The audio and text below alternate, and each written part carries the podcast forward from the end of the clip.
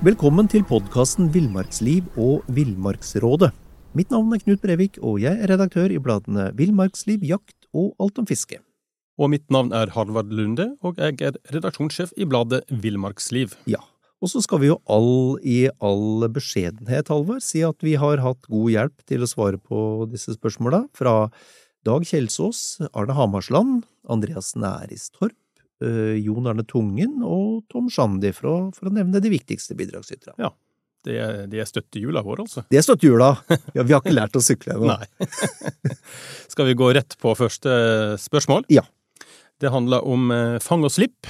Det er jo alltid eh, omdiskutert til tider. Og så er det en som spør her at han fisker mye, og får ofte mer fisk enn han da trenger å beholde til mat. Det gjør ikke jeg, for å si det sånn! Nei, det, det, det er ikke jeg som har stilt det spørsmålet heller, Knut. Og han eh, innsenderen her er opptatt av at eh, fisken da skal overleve behandlinga når han da setter den ut igjen. Ja. Og så er det spørsmål om hvordan en skal gjøre dette på en mest mulig skånsom måte. Ja. Og her har jeg lent meg tungt på eh, Andreas Næristorp, som, som svarer at um, fisk du får på dypt vann i sjøen, vil uansett ha problemer med å svømme ned igjen, med noen unntak. Bruk en håv med et stort knuteløst nett. Ikke bare berger du fisken, men, men håven gir deg også gode muligheter for å avkroke fisken uten at du løfter den på land eller om bord i båten ved å la fisken ligge i vann under hele prosessen. Det du trenger er en skikkelig tang for å avkroke fisken. Helst bør du ha med to forskjellige på tur, en stor og en liten, tilpassa både store og små fisker.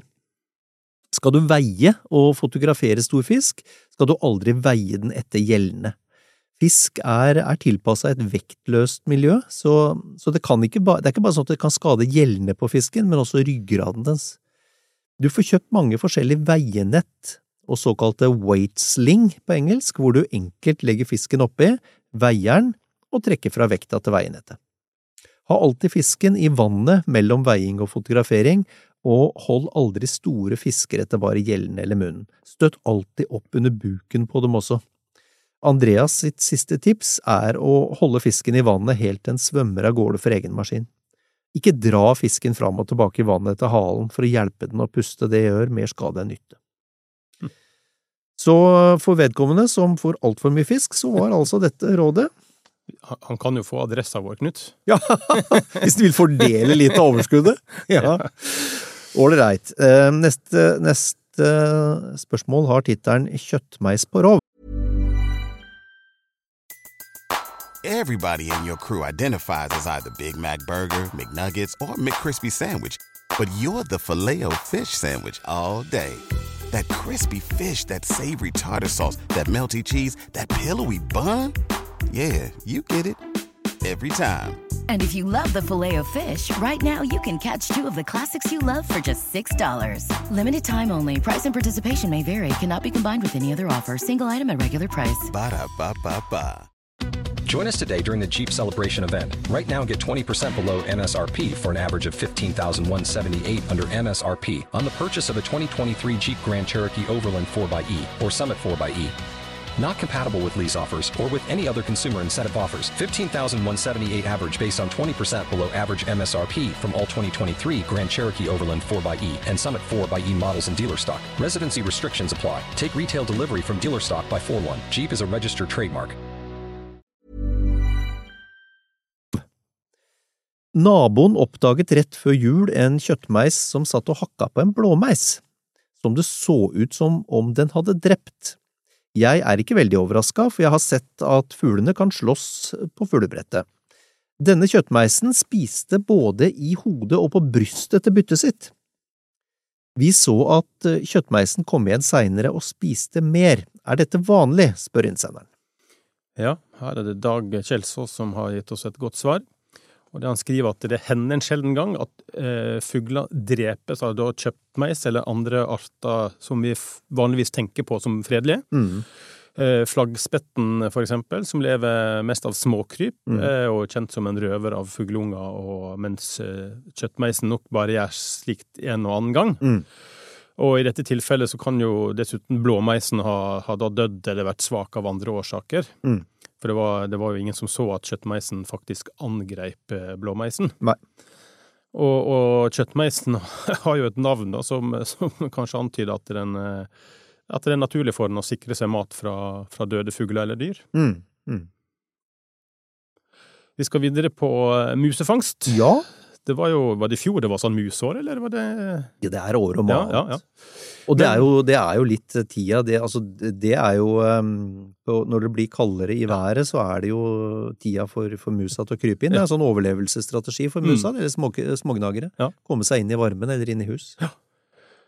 Men det han innsenderen skriver her, at det på, på hans trakter så er det mye mus for tida, og han setter opp feller av eh, tradisjonell type. Eh, og så henviser han til, eh, eller viser til at vi i, i Villmarksliv hadde en sak om musefangst. Mhm. Den finner ikke han igjen, da. Men, men spørsmålet er hva som er best til åte. Og, og det han opplever, er at musene eh, rett som det er spiser åte uten å bli fanga. Og, og han mistenker også at den eh, ikke alltid vil ha åta, da. Mm, mm. Så han her veksler litt mellom eh, ost og brød. Ja, det skal man ikke forakte. Altså, vi, det er helt riktig, vi hadde, hadde for en del år siden så hadde vi en test av musefeller i, i villmarksliv, og der kom en tradisjonell modell med bredt åtebrett eh, aller best ut. Mm.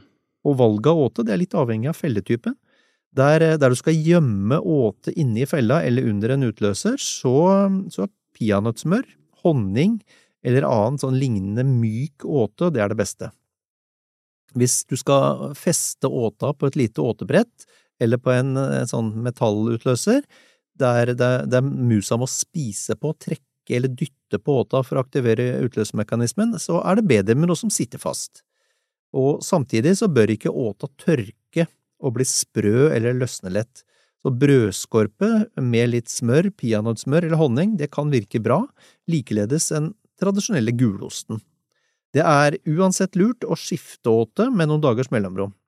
Ofte så, så kombinerer du det å smøre peanøttsmør ikke bare på åta, men også ellers på og rundt åtepinnen, men ikke under åtepinnen, det er viktig. Mm. Eh, Musa spiser det meste som minner om mat, den, så, så ved strategisk plassering av fella langs en vegg eller i en åpning, vil den gjerne prøve seg. Noe av det viktigste det er uansett at fella smekker igjen ved den minste berøring, og, og derfor er det lurt å trimme fellen innimellom, gjerne etter en, en vask som fjerner gamle, stivna återester. Og så er det jo sånn, eh, sånn uansett, da, så er det jo eh, smart å sette fella sånn, enten langs vegg eller, eller, eller andre plasser, at, du, at dyret nat har en sånn naturlig vei rett inn mot utløsermekanismen, så den ikke kommer bakfra, for eksempel, Mm. eller fra sida. Mm. Aller best er at, den, at du får leda noe, der kan du bruke en plankestump eller annet, sånn at du får leda musa Mm. inn mot riktig, riktig del av fella. Ok, fra, fra musefangst skal, så skal vi til, eh, til elg, Halvard. Jeg synes det er interessant å se bilder og rapporter om store elger og elggevir, nå senest i bladet Jakt, og har inntrykk av at det er flere fjølelger i forhold til stangelger nordpå, sammenlignet med sør i landet. Dessuten er tydeligvis elgene større nordpå. Stemmer dette, og hvorfor? spør innsenderen. Mm. Ja, og da har vår ekspert svart at eh, elgen i nord, den er større, og den vokser hurtigere enn elgen i sør. Mm. Og gevira er relativt sett større nordpå, og eh, som, som innsenderen her påpeker, så er det flere fjølelger nordpå enn sørpå. Mm. Eh, og, og forskningen har vist at dette er to forskjellige slektslinjer av elg i Norge, så litt av svaret kan jo faktisk ligge der. Mm. For det er ting som tyder på at det har vandret inn en type elg eh, fra nord og eh, øst da, gjennom Finland, og en annen sørfra eh, den gangen da isen da trakk seg tilbake. Akkurat. Samtidig så ser en også forskjell på elger fra samme breddegrad, ikke minst når det gjelder vekt. Mm.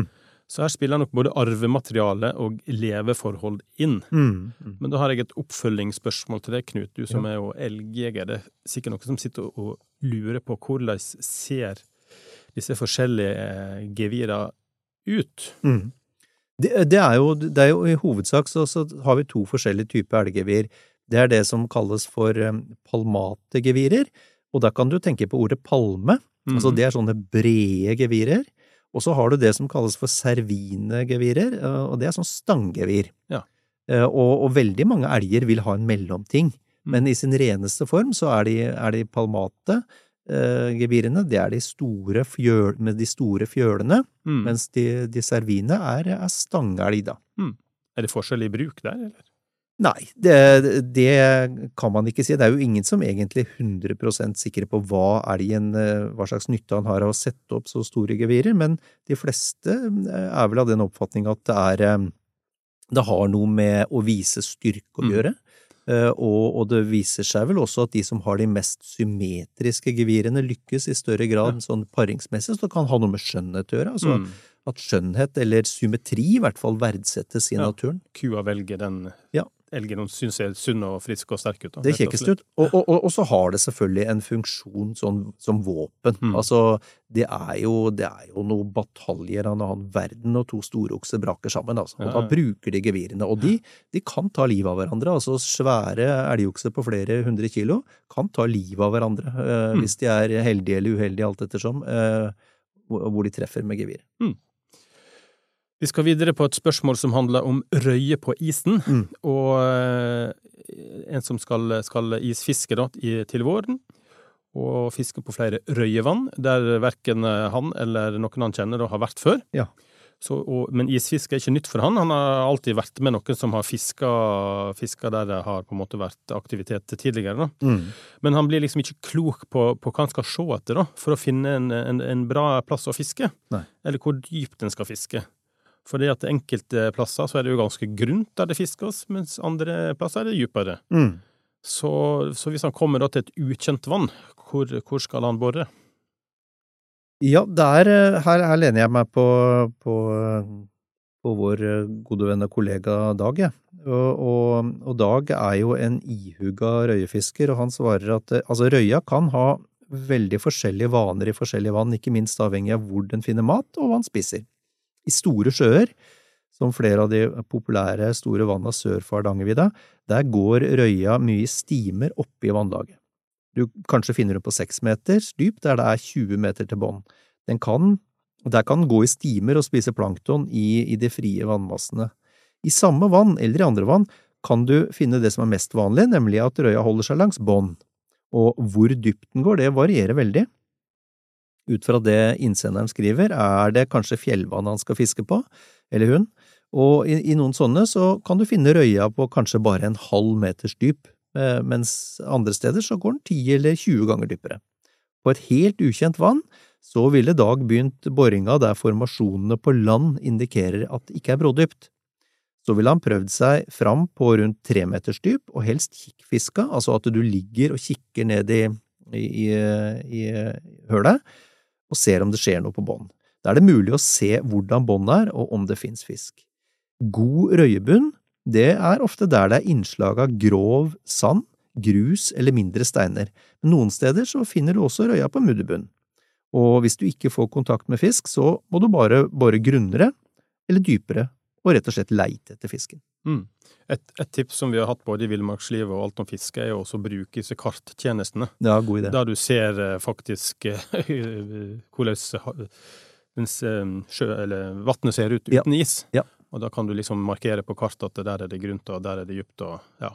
Hvordan finner man det, Alvar? Nei, både altså Google har vel på sin Maps, og jeg tror Gule Sider har et sånt kart, de satellittkart og sånt, og, og Norges kart er jeg litt usikker på, men de har vel en satellittfunksjon de også, så det er bare å, å gå inn på de forskjellige karttjenestene, så, så, så finner en fram. Mm. Mm. Vi skal snakke om eh, en, en, en, ring. Sti Ja. i ring. Ring er gøy. Ja. Og, og her skriver innsenderen at sist sommer så kom han over noe merkelig i utmarka. For rundt ei tue så var det lagd en tydelig sti av nedtråkket vegetasjon. Ja. Og, og, og gresset var bøyd i én retning, så det, så det så liksom ut som at uh, et dyr eller noe annet hadde gått i ring. Mm. Og, men han fant ingen tydelige spor. Uh, men slepet minte litt om, om plassene der eh, beveren har stia til og fra spiseplassen. Mm. Og dette her lå jo ved siden av en bekk, så det kan kanskje ha vært en bever, da, men, eh, men hvorfor går den eventuelt i ring? Ja, nei, jeg kan heller ikke skjønne hvorfor en bever skal ha gått sånn i ring, at han til slutt har lagd en, en heksering, nærmest. Det kan det selvfølgelig ha vært, men eh, for det, den, altså, beveren lager jo lett sleper etter seg med de, med de, korte beina, sånn at det kan jo fort minne om en sti etter et par runder, men, men ofte så er jo det stier som går til rett, rett opp og ned fra, fra elv eller bekker, altså, eller vann. Så, så vi, her er vi ganske sikre på at det innsenderen har sett, er en såkalt heksering lagd av rådyr. Og, og, hekseringer det lages når, når råbukken forfølger geita i forbindelse med brunsten og paringa, som jo skjer i siste halvdel av, av juli og, og, begynnelsen av august. Geita kan da begynne å gå i ring, altså gang på gang på gang, og det pågår så lenge at, at det blir faktisk en tydelig sti når det er vegetasjon som tråsnes. Så her er, her er vårt uh, mer eller mindre kvalifiserte gjett at dette her er en heksering lagd av rådyr. Hmm. All right, over på levende agn, eh, Halvard. Det er ikke lov å fiske med levende agn, men mark er da høyst levende. Hvordan har det seg, spør innsenderen. Ja, det stemmer det. Det er ikke lov å fiske med levende agn, annet enn med mark og fluelarver, det som gjerne blir kalt magott. Nettopp. Og dette gjelder da for innlandsfiske og fiske i sjøen. Mm, mm. Og ørekyte er jo en uønska fiskeart som, eh, som, har spredd seg rundt om til mange vassdrag, nettopp fordi en uh, ubetenkt, uh, ubetenksomme fiskere da, har tatt med seg det og brukt som levende agn. Ja. Og dette med, dette med, dette med mark, det, det har jo fra tid til annen vært diskusjoner rundt det, og det har jo gått på i hvilken grad den har et utvikla, utvikla smertefølelse. Ja, ja. Eh, og der, eh, jeg vet ikke om de riktig har konkludert, det, så vidt jeg har skjønt, så er vel de mange enige om at han det er, det er ikke behagelig å bli tredd på en krok, men, eh, men i motsetning til mennesket så har nok ikke marker den utvikla smertefølsomheten. Sånn at det er vel en sånn dyrevern, dyrevernsmessig forklaring på hvorfor det er lov å fiske med, med, med mark som, som levende agn, da. Mm. Vi skal over til en glupsk eh, spurvehauk. Ja. Og, og, på matplassen foran kjøkkenvinduet til denne innsenderen her, så har han noen ganger på, sent på vinteren eh, sett opptil 30 småfugler samla, mm. og, og, det er jo hyggelig. Men han her syns at også råfuglene har livets rett, men, men syns jo det er jo litt trist hver gang den kniper en småfugl, og det gjør den jo innimellom eh, gjennom en hel vinter. Mm. Uh, matplassen som han har, eller fôringsplassen, den er flytta nærmere huset for å skremme hauken, ja. men, men, det har ikke hjulpet. Og heller ikke fuglebrett med det stort beskyttende tak syns å virke, så alle, alle, råd mottas her med takk. Mm, mm. Ja, hauken den kommer jo lynraskt den når den jakter fugle ved fuglebrettet, og, og, trenger da noe plass både for å se og manøvrere. Eh, småfugler de, de kan stivne helt under et angrep, men også forsøke å smette i sikkerhet. Så så jo mer kratt og tett skog, eller hindringer om du vil, det er i nærheten av brettet, desto større mulighet er det for at, for at småfugla unngår haukekloa. Derfor er det jo et tips å sette brettet nær trær og kratt, da. Eh, eller du kan hogge trær og sette inntil, og, og du kan også beskytte fòrplassen med nett, som hauken ikke kan komme seg gjennom, men det er jo ikke nødvendigvis så pent i en bakhage. Uansett så, så, vil du ikke kunne hindre at hauken kniper seg småfugl til lunsj av og til. Altså, det, er, det er en uavvendelig del av naturens gang der ute, og de, det er på en måte, det er måte haukens, haukens, strategi for å overleve. Ja. Ok, fra naturens nådeløshet, Halvard, skal vi bevege oss over til vakuum. Ja. ja. Uh, og det er vel kanskje Skal ikke snakke om toppetasjen vår? Altså. Nei, jeg skulle ikke si det er vel kanskje naturlig at det er jeg som snakker om det. Ok, her er spørsmålet. Jeg rydda nettopp i fryseboksene og måtte kaste mye mat som hadde ligget der noen år pakket i plastposer. Særlig kjøttet fra villsvinene hadde fått en ekkel, harsk smak. Jeg hadde alt pakket i plastposer, lukket med gummistrikk. Det jeg lurer på, er om det er verdt å investere i en vakuumpakker. Noen sier dette er kjempebra, andre sier det er omstendelig, vanskelig og dyrt. Det jeg ser er at de jeg kjenner som vakuumpakker, stort sett har dem nedpakket i skuffen og ikke bruker dem. Og det er klart, da er de jo ikke til noe særlig nytte, men hva er lurt, spør innsenderen. Ja, jeg kjenner meg jo litt igjen i det siste her, da. Det er litt sånn tiltak å ta fram den vakuumpakken og finne de plastposene. Ja. Men, men det, vi har fått et veldig godt svar her fra Arne T. Hammersland. Og her lærte jeg også et par nye ting. Men det som han skriver, at, at det virker jo som han her får, får litt kjøtt i løpet av året. Mm. Og det, og det medfører jo at en, en må jo oppbevare det her kanskje oppimot både ett år og kanskje til og med to år. da. Jo, Mm. To år jo, høres jo lenge ut, da. Eh, og da holder ikke vanlige plastposer med klips eller gummistrikk eller knyting. Dette er en løsning som egner seg for, for kortere tid, altså et par måneders oppbevaring. Så for å unngå harskning og uttørking av kjøttet ved langvarig oppbevaring, så, så er det vakuumpakking som, som må til. Mm. For da blir oksygenet i lufta effektivt stengt ute, og det blir etablert et undertrykk rundt kjøttet som hemmer bakterievekst. Eh, oksygen er jo den viktigste årsaken til at eh, nedbryting av maten eh, kommer i gang, og, og at det da blir dårlig, da. Mm. Og, og eh, Hammersland sin erfaring her er at eh, en god vakuumpakker den gjør jobben raskt og effektivt. Og særlig da hvis han har ferdigkutta poser og pakka en god del av den første i gang. ikke sant? Mm. Litt volum på ting, da. Blir litt industrielt. Ja. Og, eh, og så skriver han her òg at det gjør ingenting om posene er for lange. Og, men et tips da for å redusere kostnadene er å, å skjære bort eh, sveisesømmen eh, når du åpner det, altså når du rett gjenbruker en pose. da. Ja, ja, ja. Eh, vaske og skylle og tørke den etter bruk, så kan du, så kan du sveise den en gang til. Ja, smart. Men når du da har, eh, har putta maten i, i posen, og så bør du sjekke at sveisesømmen da er eh, klar og heil, og at den er tett. Også et veldig bra tips her, hvis du vil være på den sikre sida, så, så lager du en dobbel eh, sveis med, med et lite centimeter imellom. Da. Så du, Mm. du kjører to ganger gjennom den sveisefunksjonen på, Mm. på vakuummaskina. Eh, også et problem som mange, mange erfarer, er at hvis det du skal vakuumpakke er litt fuktig, så, så er det lett for at eh, fukten blir dratt ut i sveisesømmen, og da får ikke du nok vakuum i posen, og, og heller får du kanskje ikke vakuumsømmen tett. Og det er et kjempetriks her, det er å legge litt tørkepapir i posen, Mm. sånn at eh, når du holder på da å, å vakuumere, så blir fukten stoppa fra å, å nå sveisesømmen. Ja, ja, ja. Da får du både vakuum, og du får tett eh, sveisesøm.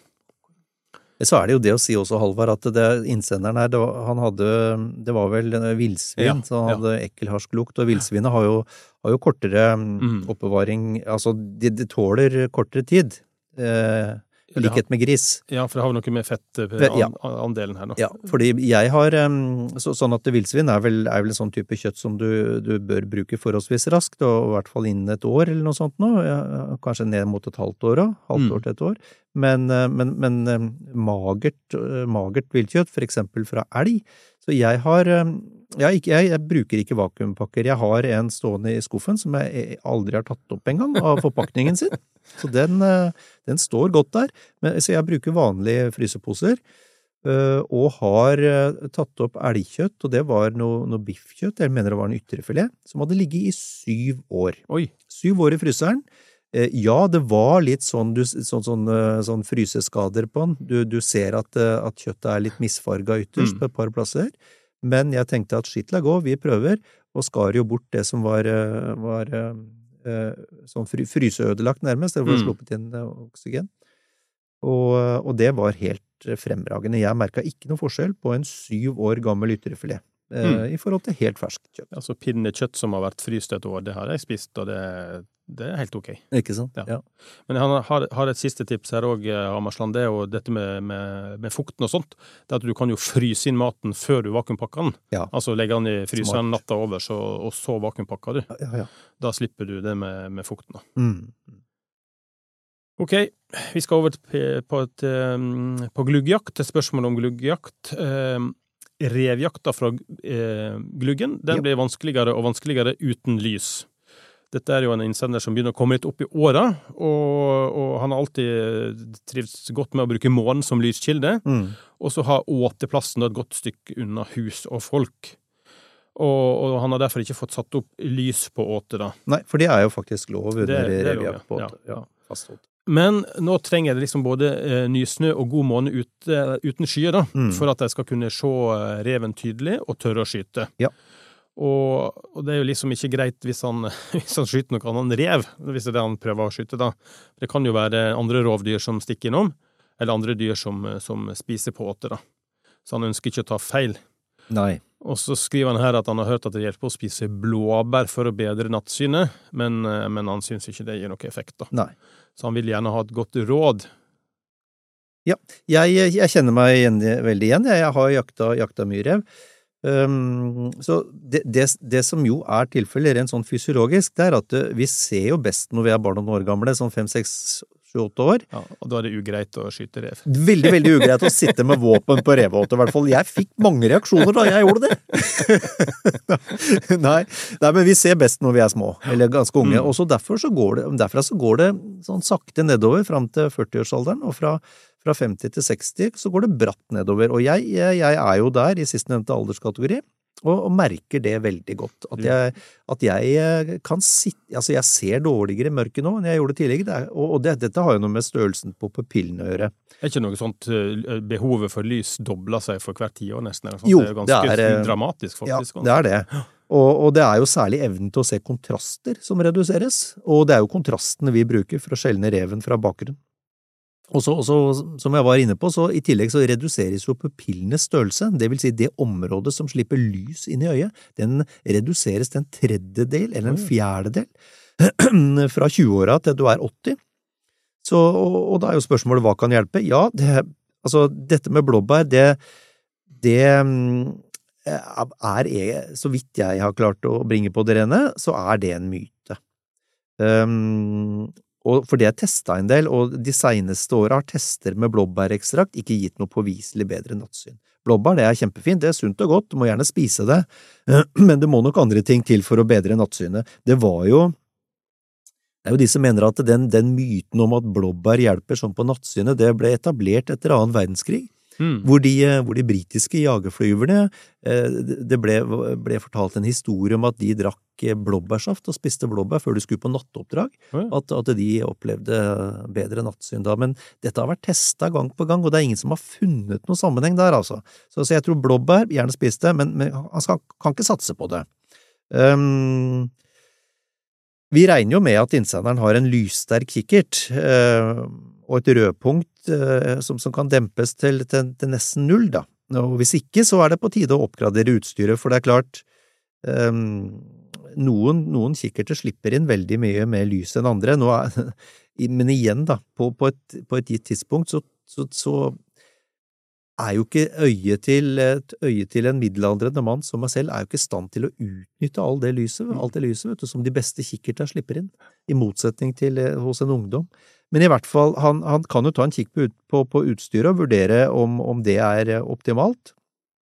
Og bestemmelsene om bruk av lys våtjakt på rødrev, det, det, er jo, det jo endra, sånn at kravet er jo at lyskilden skal være fastmontert, eh, men det er ikke lenger noe krav at den skal være på en husvegg, så hvis åteplassen ligger langt til skogs, så finnes det jo LED-lys med oppladbart batteri og solcellepanel, disse lades jo opp på dagen og skrur seg når det blir mm. mørkere, og av igjen når det lysner.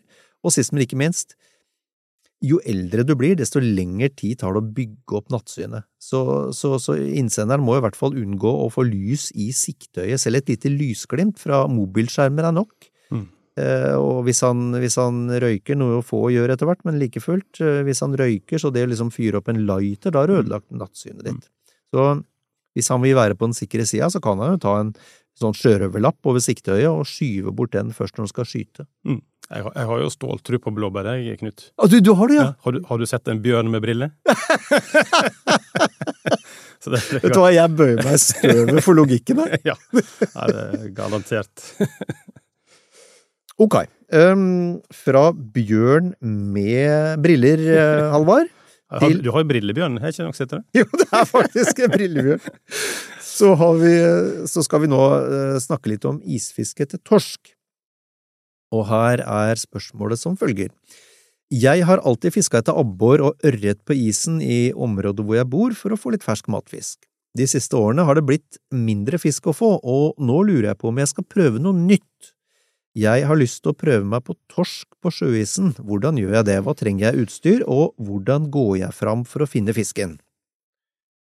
Ja, og her har vi fått eh, igjen godt svar fra Andreas Næris Torp. Og eh, isfiske på sjøen det kan være veldig spennende, og du kan få masse fisk. Eh, også er det mange metoder en kan bruke for å fange torsk på sjøisen, og noe som fungerer veldig bra, er å fiske med en balansepilk. Eh, teknikken er veldig lik den du bruker etter abbor, altså ved å slippe ned til bunnen og fiske deg oppover omtrent midt i vannlaget før du slipper ned igjen. Mm. Og så skal du ha fokus på de nedre delene av vannlaget, og det kan lønne seg å bruke et eh, isbår med en diameter på 150-200 millimeter, fordi at eh, torsken har et stort hode. Eh, Det fungerer bra å bruke en tradisjonell pilkestikke, men han anbefaler at du kjøper en litt kort, altså en litt liten og kort, og med en litt stiv stang, og bruker en litt liten haspel eller multiplikatorsnelle. Og han anbefaler at du fyller den med multifilament på 0,15 millimeter, sånn at du alltid har full kontroll eh, på det du fisker med. Mm.